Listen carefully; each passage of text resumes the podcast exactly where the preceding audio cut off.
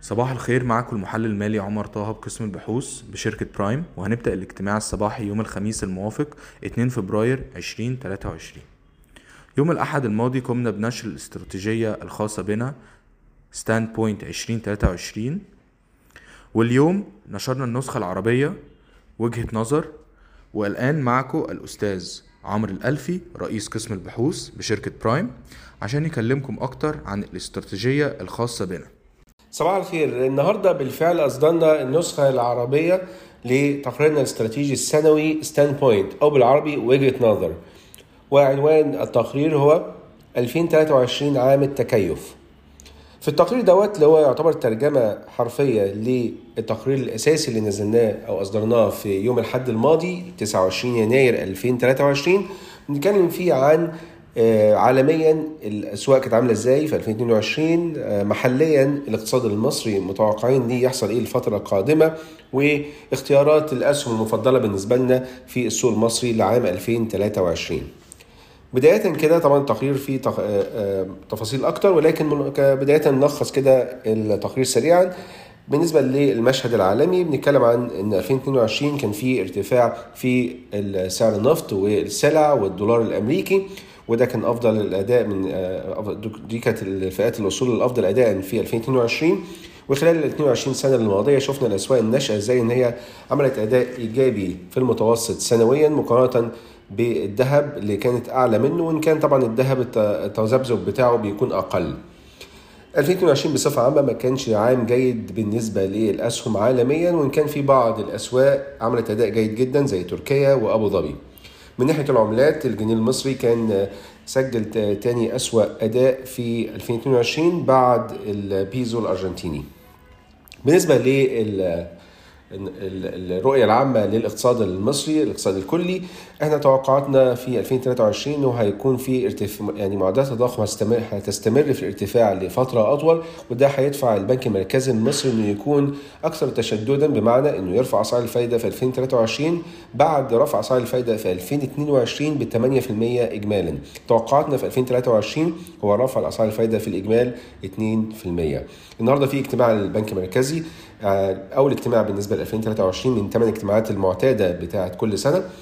توقعاتنا إنه يبقى في رفع الأسعار الفايدة ب 1% وإن في الاجتماع القادم في مارس يكون في رفع آخر ب 1% وده هيخلي إجمالي الرفع في 2023 حسب توقعاتنا 2% السبب إنه طبعا في زي ما لسه قايل إن هو آه، شايفين معدلات التضخم هتفضل مرتفعة لفترة أطول وده مدفوع بكذا عامل. العامل الأولاني ارتفاع سعر الدولار وما يؤثر به وتأثيره طبعا على التضخم المستورد.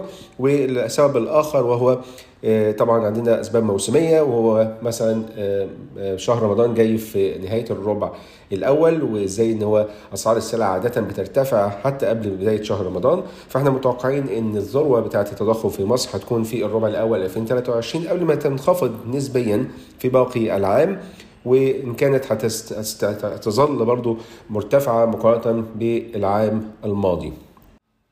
أما بالنسبة للدولار وقصاد الجنيه المصري فتوقعاتنا إن الفترة اللي فاتت اللي شفناه من ارتفاع سعر الدولار وصل القمة بتاعته يوم 11 يناير 2023 ل 32 جنيه 20 قرش. ده يعتبر overshooting نتيجة عدم توفر الدولار بصورة كبيرة. توقعاتنا إن في 2023 مع الطروحات الحكومية الفترة القادمة والاستثمار الأجنبي المباشر اللي جاي أكثر من الدول مجلس التعاون الخليجي. هنشوف إن هو في توافر في الدولار إن شاء الله وبالتالي ممكن يكون في انخفاض لسعر الدولار في الفترة القادمة عشان ينهي السنة حسب توقعاتنا حتى الآن على 27 جنيه للدولار الواحد وإن كان الجنيه المصري هيظل منخفض مقارنة بالسنة الماضية.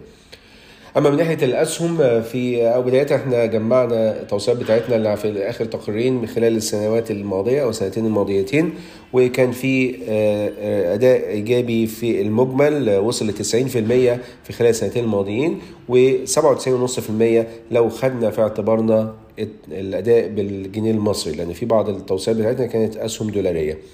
ده كان أعلى بكتير من الأداء بتاع المؤشرات السوق المختلفة. ال EGX 30 كان طالع 52% ال EGX 100 طلع 38% وال EGX 70 طلع 29% طيب بالنسبة للاسهم اللي هي شايفينها بنفضلها في 2023 أسهم زي بنك أبو ظبي الإسلامي Orascom Construction العربية لإدارة الأصول Orascom Financial Holding أو اوراسكوم المالية القابضة CIB شركة تعليم لخدمات الإدارة القابضة المصرية الكويتية مصرية اتصالات السويدي Electric وطلعت مصطفى.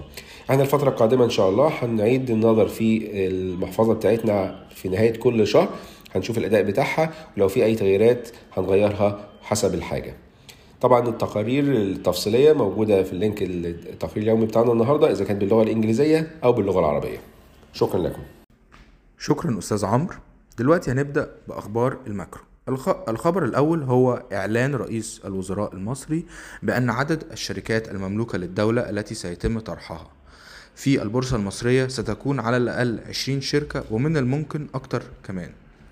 سيتم الإعلان عن تفاصيل الخطة بعد اجتماع مجلس الوزراء القادم وسيتم طرح الدفعة الأولى من الشركات خلال 3 أشهر وسيطرح الباقي على مدار 2023 الخبر الثاني هو أن مجلس الوزراء وافق على 13 مشروعا لاتفاقيات التزامات بترولية للهيئة المصرية العامة للبترول والشركة المصرية القابضة للغازات الطبيعية وعدد من الشركات العالمية. وتتعلق الاتفاقيات بالبحث والاستخراج الغاز الطبيعي والنفط الخام في الصحراء الغربية والبحر المتوسط وأماكن تانية.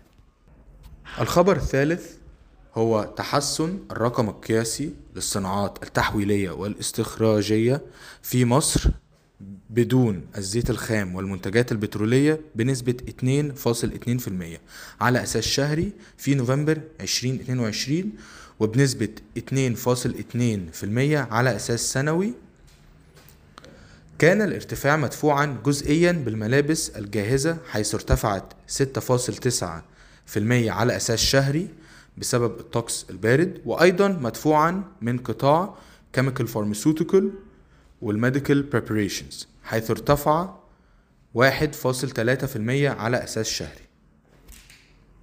الخبر الرابع هو انخفاض حجم مبيعات السيارات في مصر إلى حوالي 185 ألف سيارة في 2022 وده انخفاض 36% على أساس سنوي آخر خبر ماكرو هو أن رفع العديد من البنوك المركزية أسعار الفائدة بعد رفع الاحتياطي الفيدرالي الأمريكي ب 25 نقطة أساس الأمس وقام كل من مصرف البحرين المركزي ومصرف الإمارات المركزي والبنك المركزي السعودي برفع أسعار الفائدة بنفس المقدار للحفاظ على مستويات ربط عملاتهم المحلية.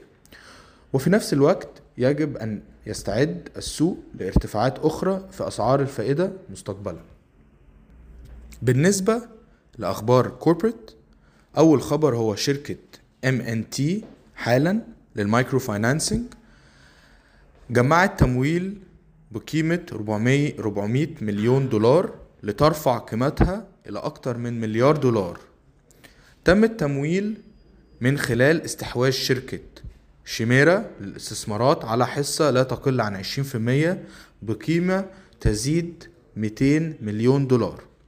وأيضا بعض المستثمرين الدوليون بما في ذلك مؤسسة ال International Finance Corporation بتمويل رأس مال أولي بقيمة 60 مليون دولار وأيضا توريق جزء من قروضها بقيمة 140 مليون دولار. وبرضو معانا نتائج الإسكندرية لتداول الحاويات هيقدمها لنا زميلي عبد الخالق. أظهرت نتائج شركة الإسكندرية لتداول الحاويات والبضائع للنص الأول من العام المالي 2022-2023 زيادة بنسبة 151% على أساس سنوي في صافي أرباح الشركة.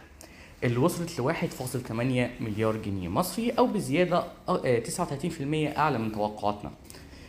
وده حصل على إيرادات قدرها 2 مليار جنيه مصري وده بزيادة قدرها 78% على أساس سنوي ومتجاوزة توقعاتنا بنسبة 14% النمو في الإيرادات كان جاي من طرفين. الطرف الأول هو مناولة 379 ألف حاوية مكافأة خلال الفترة واللي هو كان أقل بس 6% من توقعاتنا واللي كانت مقسومة ل 378700 حاوية تجارية بمتوسط رسوم 5258 جنيه مصري للحاوية الواحدة واللي هي رسوم أعلى 20% من توقعاتنا.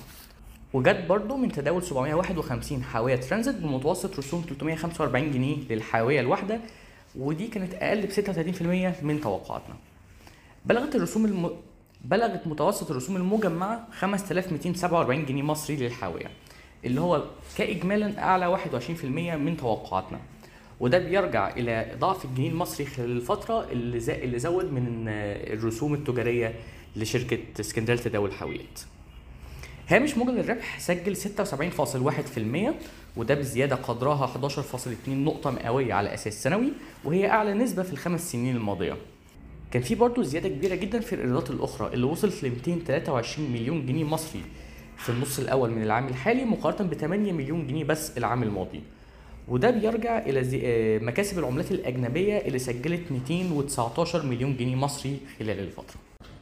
شكرا لاستماعكم لاجتماع الصباحي